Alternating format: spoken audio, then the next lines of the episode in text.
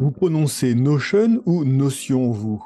Aujourd'hui, on va parler de l'outil qui semble faire des miracles, en tout cas servir à beaucoup de monde pour organiser leurs tâches.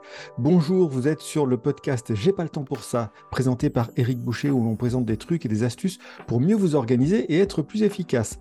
Donc, appelons-le Notion pour les trois minutes qui viennent. Cet outil qui permet de faire tellement de choses qu'on ne sait plus où ça s'arrête. Pourquoi on en parle aujourd'hui? Ben, Évidemment, quand on parle d'organisation, de capture, de gérer nos informations, ça va être très efficace.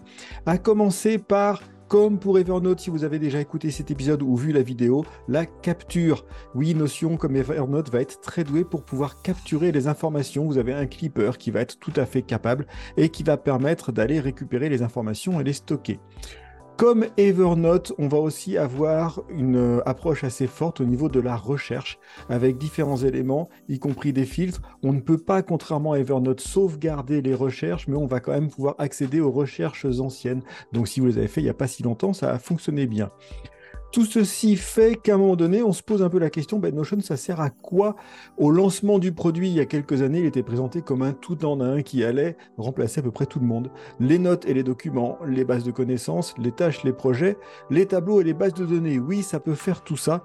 Qu'est-ce qui fait qu'il comptabilise aujourd'hui 30 millions d'utilisateurs? Ben, C'est aussi sa grande modularité. Vous allez pouvoir construire des pages d'accueil qui vont vous permettre en fait de relier toutes vos pages Notion les unes avec les autres. Donc c'est très flexible, très ouvert, à tel point qu'il existe des communautés, on va dire, de gens qui euh, passent leur temps à aussi améliorer la qualité de leur écran d'accueil, c'est important.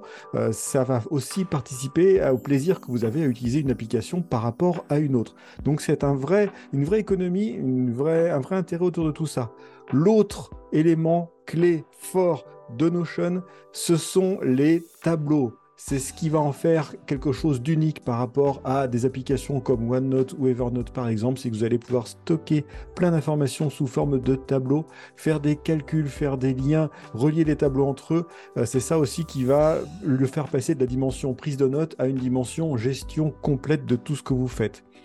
Et enfin, le dernier élément qui va être clé également, ben, c'est finalement tout l'écosystème qui s'est créé autour de Notion, du fait que l'on puisse créer des modèles. Il y a même un certain nombre de personnes qui en vivent, donc qui vendent leurs propres modèles, et vous allez vraiment trouver de tout. Puisqu'on parle d'organisation, vous allez trouver des modèles sur la partie Getting Things Done, évidemment, pour vous organiser, mais pas que. Vous voyez, gérer vos objectifs, plan de développement personnel, boîte de prod, centre de pilotage. Vous voyez toutes les catégories pour ceux qui regardent la vidéo. On a vraiment toutes les catégories disponibles. Donc ça va très loin dans les différentes possibilités et c'est va être l'un des différenciateurs aussi de Notion. C'est vous pouvez vraiment en faire ce que vous voulez. Et si c'est trop compliqué pour vous, vous pouvez acheter ou demander à des personnes de vous préparer votre tableau de bord. Voilà, en moins de 3 minutes, c'est pas évident. Notion est un outil tout en un.